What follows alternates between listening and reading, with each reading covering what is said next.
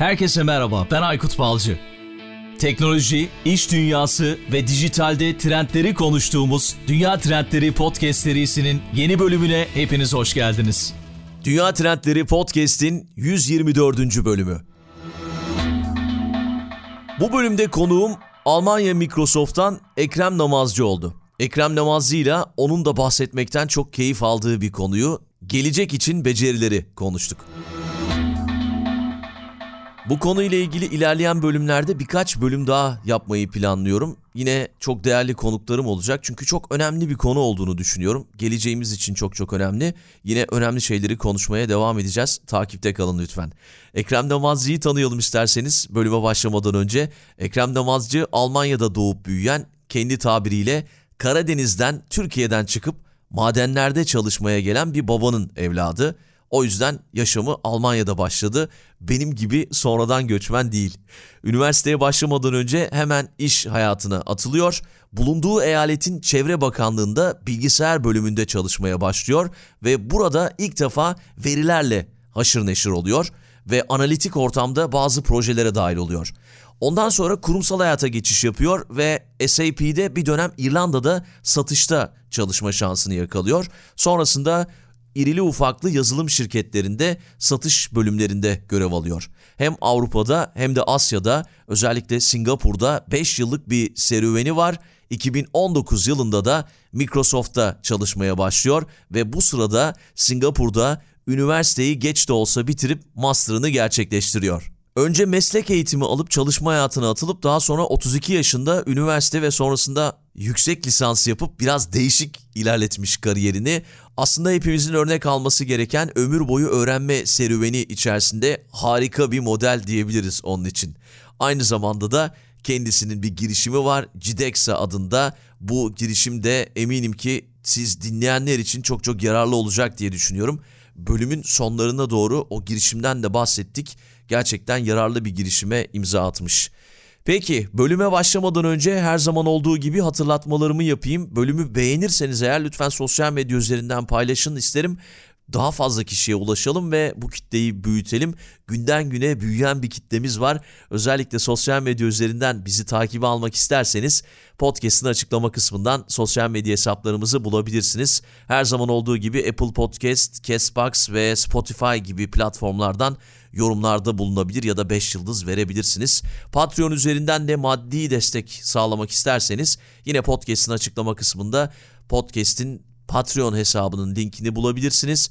Aynı zamanda bölümün sonunda belki de gelecek hafta size de teşekkür ediyor olabilirim. O zaman her şeyi söyledik. Güzel bir bölüm oldu. Geleceğin becerilerini konuştuk. Çok daha fazlasını konuştuk. Hazırız. Yeni bölüme başlıyoruz.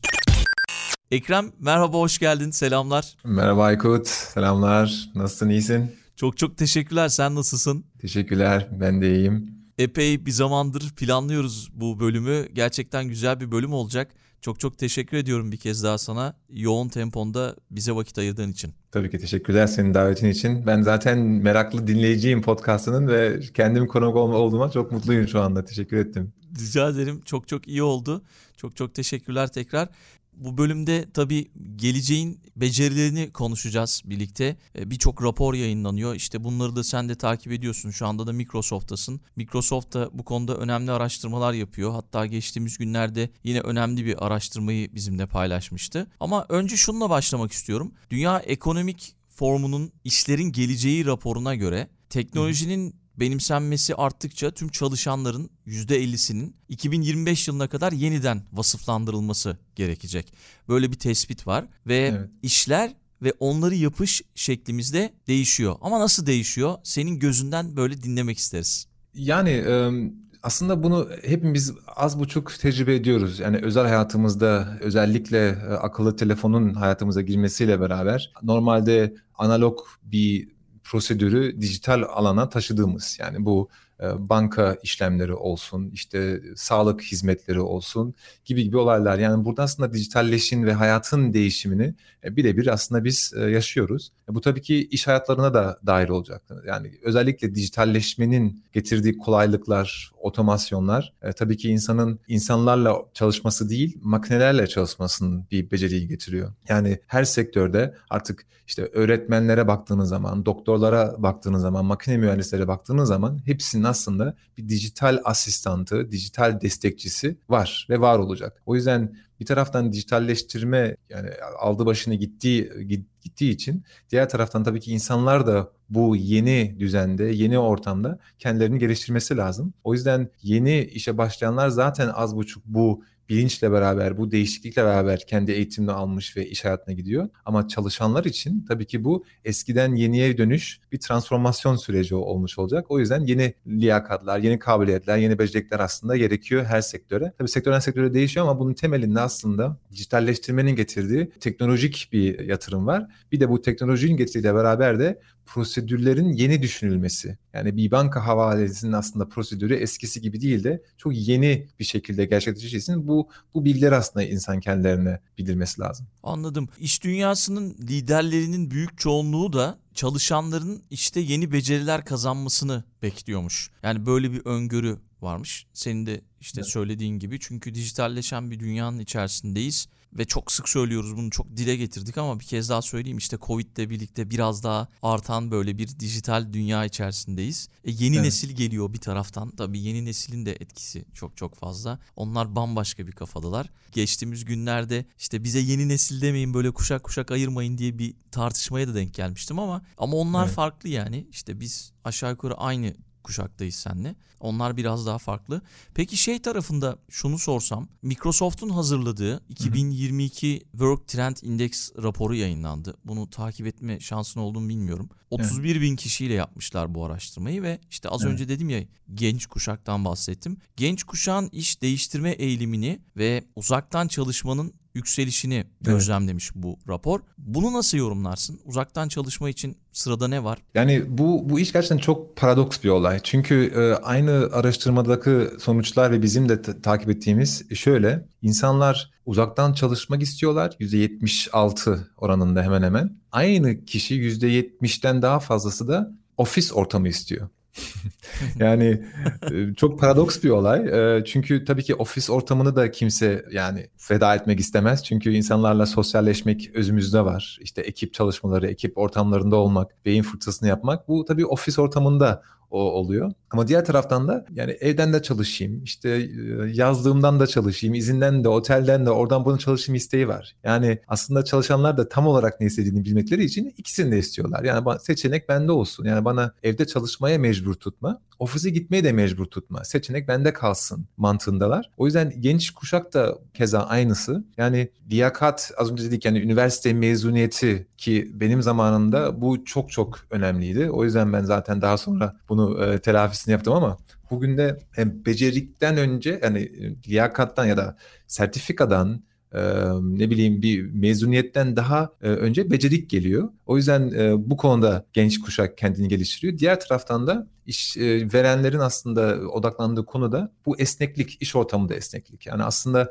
ofisin, lokasyonun hiçbir değeri yok, hiçbir önemi de yok. Sen istediğin yerde bizim değişik değişik mesela Microsoft'ta Almanya'da 8 tane ofisimiz var. En büyük şehirlerde işte Hamburg, Köln, Düsseldorf, Münih, Stuttgart taraflarında. İstediğin yeri seçebilirsin. İstediğin yerde istediğin zaman çalışabilirsin. Hatta Avrupa çapında da istediğin yere çalışabilirsin. Ve aslında bu maaştan, izinden, ortamdan, işte ne bileyim ünvandan aslında daha önemli bir konuma geliyor. O yüzden de tabii ki yeni işverenler de, liderler de aslında işe alım sürecinde ya da yeni kuşakta bunu bilmesi gerekiyor. Yani ben sana şu ünvanı, şu maaşı vereyim değil de ben sana esneklik veriyorum. İstediğin seçeneği kendin seçebiliyorsun demesi lazım. E, bu da tabii ki e, güven becerisine geliyor, empati becerisine geliyor. Çünkü tabii ki bizim e, eski nesilde kontrol mekanizması çok bariz. Yani tabii ki elemanım benim ofiste gözümün önündeyse daha kontrol etme şansımız daha yüksek olduğu için bu da tabii ki değişik bir düşünce ve değişik bir kültüre yol açması lazım. E, o yüzden de hepimiz aslında az buçuk e, bu yeni e, duruma alışmamız gerekiyor. Ekrem yıllar önce Microsoft'ta çalışan bir biriyle tanışmıştım ve yani belki 5-6 sene önce o zamanlar tabii biz biraz daha bu uzaktan çalışma konularına çok çok uzağız. Tabii Microsoft gibi şirketler, büyük teknoloji şirketleri bu konularda çok daha ilerideler. Çok daha iyi görüyorlar. Şey demişti bana, ben takım lideriyim. Dünyanın her yerinden çalışanlarım var. Yani işte benim altımda çalışanlar var. Ama İstanbul'da bana inanılmaz tuhaf gelmişti. Yani nasıl olur bir takım lideri var, takım var ama e, takım dünyanın çeşitli yerlerinde çalışıyor. Evet. Ama şimdi bugün günümüzde bu çok normal geliyor artık. Yani herkes Aynen. için normal geliyor. Aynen ve e, Covid yani pandemiyle beraber e, pandemi öncesi ve pandemi sonrası iş ilanlara baktığınız zaman remote yani uzaktan çalışma seçeneği 8 kat arttı. İş ilanlarında e, genelde hep lokasyon yazıyordu. Şu anda uzaktan çalışma yazıyor sadece lokasyon vermemeksizin. E, bu 8 kat daha fazla arttı. Yani bu pandeminin de aslında bir gösterdiği oluyor. Yani mümkün. Tabii. Yani zamanında e, çok nadir düşünülüyordu ve mecbur kaldığımız için aslında böyle bir ekip e, kuruyorduk, uluslararası bir ekip. Çünkü uzmanlar atıyorum e, Asya'da, Amerika'da oluyorlardı. Ama şimdi gerçekten bu bir artı değer olmaya başladı. Yani ben aslında bir yeni bir işçi aradığım zaman, yeni bir kişi aradığım zaman, uzman aradığım zaman sadece kendi bulunduğum ekosisteminde, ülkemde değil de, coğrafyasında değil de dünya çapında arayabiliyorum. E, bu aslında çok büyük bir katkı değer. Evet yani bir taraftan da şey diyorlar yani bazı ülkeler içinse dezavantaj diyorlar çünkü daha ucuz iş gücü bulma şansını yakalıyormuş şirketler. Ama e, diğer yandan da tabii istediğin yerde gidip çalışabilme özgürlüğü o da müthiş bir şey. Evet. Ama şunu da mesela geçtiğimiz günlerde büyük şirketlerin yaptığı açıklamalara baktım. Onların CEO'ları işte ofise dönmek istiyoruz. Geri döneceğiz. İşte çalışanlarımızın da az önce senin söylediğin gibi böyle tereddütleri var. Evde sıkıldık ama dönmek evet. de istemiyoruz gibi şeylerle e, yorumlar yaptıklarını gördüm. Evet. Bakalım ilerleyen günler ne gösterecek ben de merak ediyorum açıkçası. Bir yandan da takip etmeye devam ediyoruz. Peki biraz tabii şeyden de bahsedelim istiyorum. Bugün işler için hangi becerilere ihtiyaç var? Geleceğin kişisel becerileri ve yetkinlikleri neler olacak? İki yönlü konuşacağız dedik ya hani girişte. Evet. Biraz bunlardan bahsedelim istersen. Tabii şimdi yani beceriklerden bir tanesi tabii ki uzaktan ekip liderliği aslında. Yani bu bunun bir becerisi var. Yani biz şimdi sanal ortamda video konferanslarına beraber bir ekip toplantısı düzenlemek lazım. Buna tabii ki değişik becerikler gerekiyor. Yani uzaktan insanın mimiklerini, konuşma tonunu, işte vücut dilini az buçuk e, görebiliyoruz ama bu tabii ki en büyük bir beceri gereken yani hem empatiyle gelen bir, bir beceri ki uzaktan sağ alemde insanların aslında iç dünyasını da bilmek ve öğrenmek ve bu yönde de tabii ki odaklanmak. Aslında bu hepimiz için olan bir, bir durum. Yani bu biraz daha böyle psikoloji tarafı. Diğer tarafta da tabii ki e, dijital becerikleri yani bu tabii ki konferans tool'larla beraber az buçuk bilmesi yani nasıl bunu kullanıldığını ne bileyim uzaktan nasıl bir e, beyin fırtınasını yapması işte whiteboard dediğimiz yani bir fikirleri yazıp çizmek bu e, süre süreci yönetmek açısından analitik düşünüp analitik olma beceriyi aslında ön plana çıkıyor. Bunun dışında mental health dediğimiz yani yani ruhi sağlık mı karşılığı bilmiyorum ama yani gerçekten de bu e, iç sağlık çok çok önemli çünkü insanlar daha çok çalışıyor. Yani bu evet. da bir statistik olarak belirlenmiş bir şey. Normalde insanların en verimli anı öğleden önce ve öğleden sonra oluyordu. Yani hep iki günde iki tane en verimli durumlar oluyor. Şimdi 3'e çıktı bu ve üçüncüsü de akşam 8'den sonra. Ya bu demektir ki insanlar gerçekten de özel hayatını ve iş hayatını birbirine karıştırıyor. Tabii bunun da getireceği beceriyi de zamanlamayı iyi kullanmak aslında ve tam bu çizgiyi de iyi çizme, çizmek. Yani ne zaman benim özel hayatım bitiyor, ne zaman iş hayatım başlıyor tarzında. Ee, Almanya'da da böyle mi peki senin gözlemin? Evet. Yani bu e, uluslararası bir bir araştırma yine yaptık. Biz Teams kullanımı ve klavye kullanımını araştırdık ve e, yüzde 42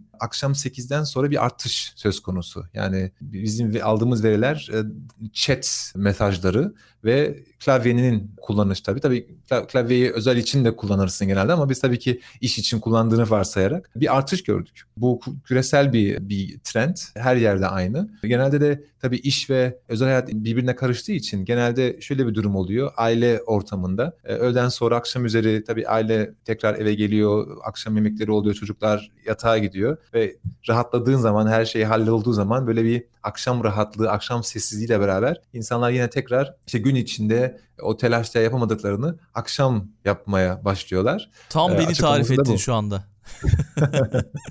evet. Evet yani aynen öyle gerçekten e, çünkü hani bir yandan çocuklar artık evde değiller tabii ama onların evde olduğu zaman da her şey birbirine girmişti. Vaktimiz evet. yok. Bir yandan çocuklarla ilgileniyoruz, bir yandan onların okulları, işte bir yandan çalışmamız gerekiyor. Gerçekten bu da bir beceri. Bir de tabii bu e, yani zemin de hazırladı aslında. Şimdi şöyle bir şey hani önceden de tabii ki vardı bu durum ama şimdi aslında önceden e, ne diyeyim genelde aileyi e, saf dışı bırakıldık. Şöyle ki çocuklar işte ekrana gelmesin, e, ses çıkarmasın e, gibi. Şimdi herkes biliyorsun daha free takılıyor. Yani çocuk e, ekrana giriyor, çıkıyor, ne bileyim dahil oluyor. Herkes anlayışlı karşılıyorlar. Yani iş ve aileyi aynı yerde yürütmek normal hale döndü. İnsanlar tabii ki bunu kullanıyorlar. Yani iyi bir şekilde kullanıyorlar. O yüzden böyle durumlar da ortaya çıkıyor. Diyor ki Kimse görmedi ben... ama az önce de bunu yaşadık yani. Kızım geldi. evet. İçeri aynen. girdi. Neyse olabilir canlı yayında böyle evet. şeyler.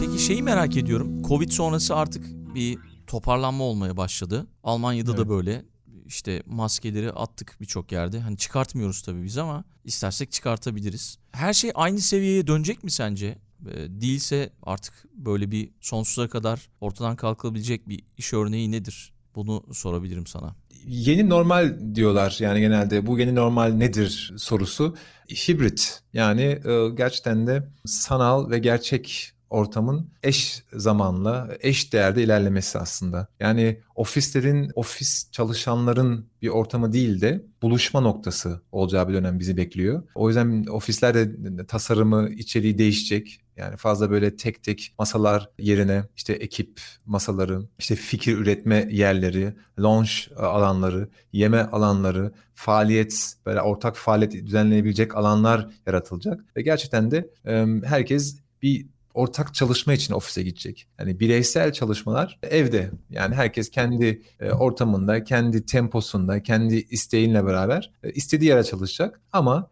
işte bu e, bir ayda bir olur, haftada bir olur. Bu herkes her şirketin de her ekibin aslında kendi belirleyeceği bir bir durumda da buluşma noktası olacak aslında. Yani yazında olur ya herkes ateşin etrafında sahilde buluşur, aynen e, iş ortamında da böyle bir buluşma noktası olacak. Keza okullara baktığınız zaman da yani bir 10 yılı göz önünde bulduğunuz zaman o da aynı şekilde. Yani pazartesi öğrenciler okula gidip e, buluşup sınıfta öğretmenler haftalık planı onlara bildirip işte üzerinden geçip anladınız mı işte anlaşılmayan noktalar var mı ortak işte şunu düşünün bunu yapalım deyip salı çarşamba perşembe herkes evinden uzaktan ders görüp cuma günü de sonuçlarını tekrar hep beraber sunma durumu olacak. Yani okullar bile hibrit hale dönüşecek. Baktığınız zaman sağlık sektöründe de aynı şekilde doktora gitmeden önce uzaktan siz işte gözünüzün, cildinizin, ağrıdığınız yerin resmini çekip doktora bir ön bilgi mesaj üzerinden, telefon üzerinden bildirip o ilk analizi yapıp, tesis yapıp ha gel gelme ya da gelmenize gerek yok şu ilacı al deme durumu olacak. Sadece ihtiyaç anında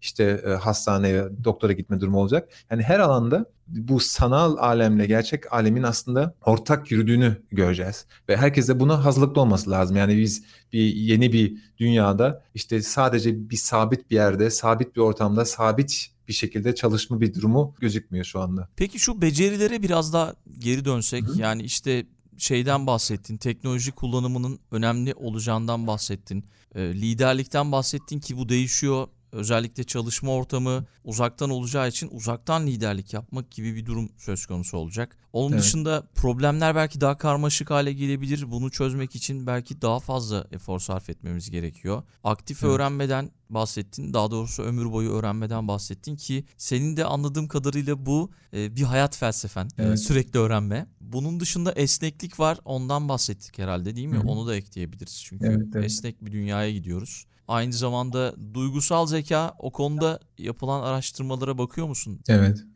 Aynen e, yani en son dediğin duygusal zeka şu şekilde çok önemli. Şimdi bütün bu gelecek değişikliklerden bahsettik. İşte iş hayatının, iş ortamlarının değiştiğinden bahsettik ve herkes biraz daha özel seçeneğinden bahsettik. Yani o yüzden şimdi insanın artık e, eskiden tek bir iş profili vardı. Yani ben Aykut'u sadece iş ortamında tanıyordum. Yani çoğu çocuğu var mı yok mu evli mi bekar mı fazla böyle insan isterse konuşuyordu. Ama şimdi hepsi bir işe girdiği için benim işte anlayış göstermem gerekiyor. Yani senin durumuna hem anlayış hem saygı hem de kendimi ayarlamam gerekiyor. Tabii bu empatiyle olan bir şey sadece. Ben sadece senin gerçekten durumunu anlarsam ve kabul edersem ve saygı duyarsam ben kendi iş planımı atıyorum mesela senin kızın okul planına göre ayarlarım. Toplantıyı işte onun okul saatine değil de akşam saatlerini alırım mesela. Budur aslında empati. Yani empati göstermek ama empati olmak da tabii ki olan bir şey. Yani sadece gösterip de yani gerektiği için değil gerçekten de kabul etmek lazım. Bu gerçekten çok zor bir şey aslında en zoru.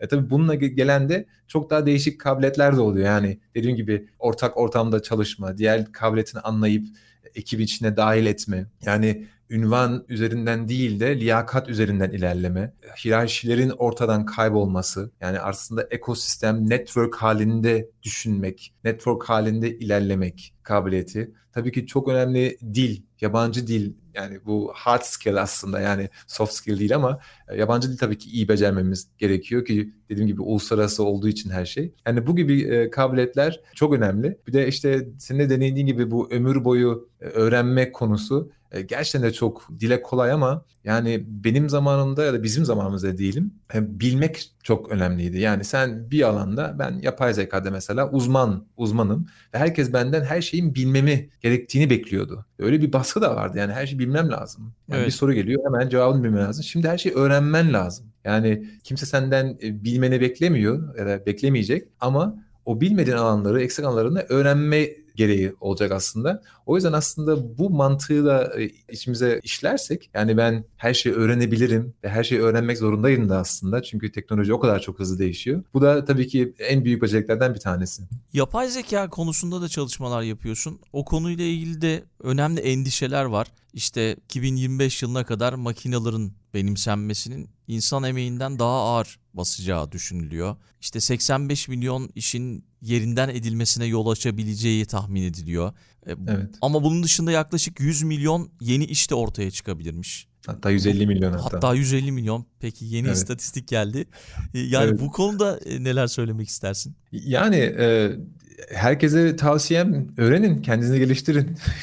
yani makineden daha akıllı olmama, olmamız lazım. Yani sonuçta bu yapay zekaları, bu makineleri yani üreten insan oldu. Yani o yüzden bu kişiler de lazım. Yani Şimdi baktığınız zaman otomasyon dediğimiz alanda hangi alanlarda otomasyon var? Gerçekten de insanın aslında çok fazla böyle severek yaptığı bir iş değil. Yani her 8 saat başı işte ürünü al oraya bırak, al bırak, al bırak. Kasadan işte parayı al ver, al ver. Yani bu zaten insanoğluna yakışır bir iş değil bana sorarsanız şahsi görüşüm. Yani insanoğlu biraz daha kabiliyetli. O yüzden aslında bu o 75 milyon iş e, ortadan kalkacağı işlere baktığınız zaman gerçekten de çoğu yani e, otomasyon Alman uluslararası monkey job dediğimiz yani hep aynı hareketlerde aynı e, tempoda olan şeyler yani robot gibi diyoruz ya bazen yani robot gibi çalışıyorum her her seferinde aynısını yapıyorum. Gerçekten de e, doğru. Ama diğer taraftan da 150 milyon yeni iş alanı doğacak. E, bu alana odaklanmamız gerekiyor aslında. Yani o e, ne gerekiyorsa artık o sektörde o liyakatın, o becerinin üzerinde bu işte makineyi nasıl kullanabilirim, bize nasıl destek olabilirin sorusunu kendimize sormamız lazım. Bu babda da gerçekten yani makineleri daha iyi anlarsak, onlardan kendimizi daha fazla geliştirirsek o kadar çok bu yeni düzende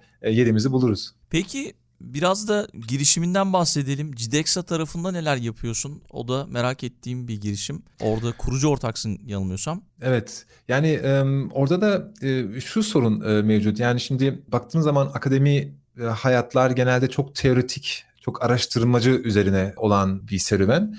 Pratik zeka diyoruz, pratik tecrübe genelde eksik oluyor öğrencilerde ve en büyük sıkıntı da o. İkincisi de tabii ki bu teknolojinin hızlı gelişmesi öğretim üyelerinin fakültelerde olsun, üniversitelerde, okullarda olsun fazla kendilerini geliştirememesi. Yani teknoloji çok ilerliyor ama öğrenen şeyler çok eski konular aslında. Biz bu iki sorunu çözmek için bir mentorluk platformu geliştirdik uluslararası aslında CIDEXA bu şekilde sosyal proje olarak doğdu. Yani biz uluslararası şu anda bine yakın 24 ülkede genç yeteneklerimiz platformumuzda mevcut ve 120 tane de mentörümüz var. Ve bu mentörler genelde uluslararası işte yönetim kurulunda olanlar, işte genel müdür olanlar, kişiler, çok kariyerli, tecrübeli insanlar ve kendi alanlarında da uzman kişiler. Biz aslında yaptığımız bu genç yetenekleri, genç öğrencileri, yeni iş hayatına girecek olan kişileri bu uzmanlarla buluşturmak ve mentörlük sağlamak ki onlar bütün bu trendleri o öğrencilere, yeni mezun olanlara bildirsin ki kendilerini geliştirsinler bu alanda. Çünkü atıyorum makine mühendisi olmak istiyorsunuz ama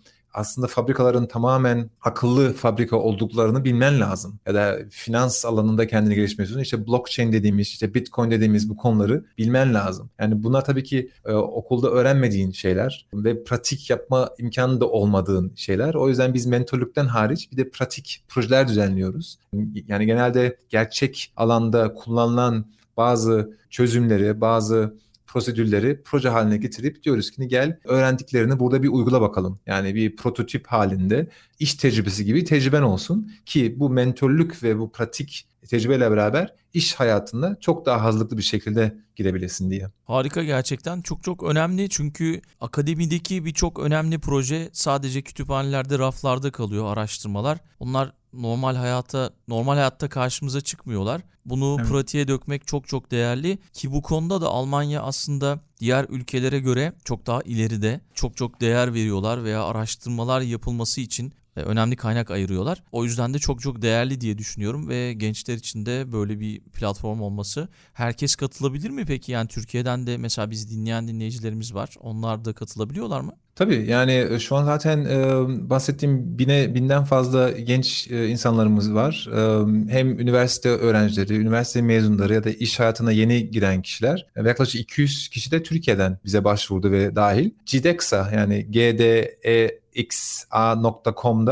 ee, herkes bedava ücretsiz başvurabilir. Prosedüre çok basit. Yani başvurduktan sonra kendi profilini oluşturup biz de seni eşleştiriyoruz. Yani yetenekleri istediğin alana göre ya da eksik olduğun alanlarda göre biz sana bir mentor öneriyoruz. E, direkt de o mentörle birleşiyorsun. O yüzden dünyanın her tarafından katılabilirler. Özellikle Türkiye'dekiler, Türkiye'de öğrencilerimiz yani çok çok parlak insanlar. Gerçekten bizim şu anda uluslararası 24 tane ülkeden yetenekler olduğu için e, kıyaslama durumu da oluyor. Yani gelecek kaygısı, biraz özgüven eksikliği, biraz böyle yani uluslararası platformda yetersiz miyim düşüncesi. Ama çok yanlış çoğu zaman düşünce. Gerçekten e, çok iyi bir kaliteye sahipler. Eğitim kalitesi yani her şeye rağmen çok çok yüksek diğer ülkelere baktığınız zaman. Sadece iş imkanlarını doğru seçme. Biraz böyle ne bileyim söylenenlerden, trendden işte e, bazı piyasada toplumda oluşan şeylerden kopup algıdan aynen algıdan kopup biraz böyle odaklanma durumu e, aslında olursa ki onun tam da o mentörlük veriyor aslında. Yani bütün bu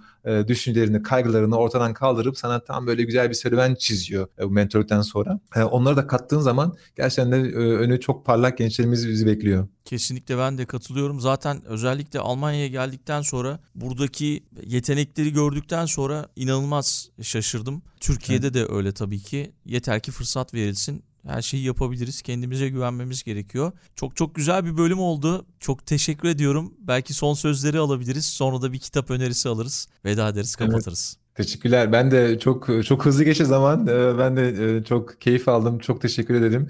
Yani tavsiyem gerçekten yani dinleyen liderlere, e, ekiplerindeki bu trendleri, gidişatı, istekleri, talepleri iyi izlesinler. Kendilerini ona göre iyi hazırlasınlar. Onlara da tabii ki mentörlük öneririm. Yani bu gençlerle haşır neşir olmak onların düşüncelerini anlamak için çok daha faydalı bir durum gelmiş oluyor. Yani bu bu tavsiyem olur. Gençlere tabii ki yani kendi becerilerinizi geliştirin. Hard skill dediğimiz işte programlamaydı, mühendisliktin haricinde insan ilişkileri, işte bu e, emotional intelligence dediğimiz e, empati kurma becerilerini, ekipte çalışma, e, yabancı dille iletişimde girme becerilerini ve tabii pratik tecrübe edinmelerini tavsiye edebilirim. Bu yönlere yani tek biz değil değişik platformlar da mevcut. O alanda kendilerini geliştirmesini tavsiye ederim. Kitap önerimde bilmiyorum İngilizcesi var mı ama Almanca ismi Der Zwei Stunden Job. 2 saatlik Patron e, adında bir, bir kitap. Aslında bu yeni liderlik yönetimini gösteren bir şey. Yani iki, günde iki saatle aslında liderliğinizi yapabilirsiniz anlamında. Kontrol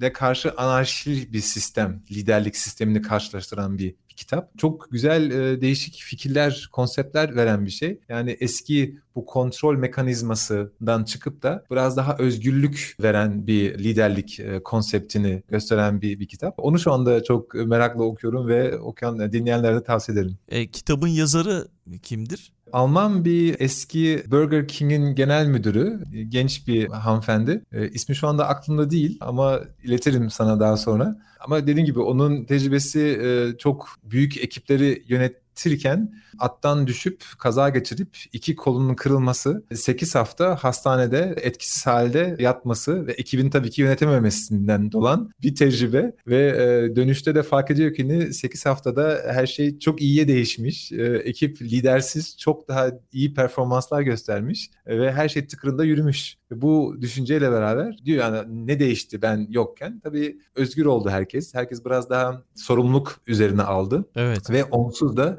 şirketi devam ettirdiler. Çok güzel bir hikaye ve o kişi de kendi hikayesinden esinlenerek böyle güzel bir konsept ortaya koymuş. Peki linkini koyacağım ben podcast'ın açıklama kısmına. Umarım İngilizcesi ya da Türkçesi vardır. Almancası varsa da eğer senden bir özet isteriz belki bir gün.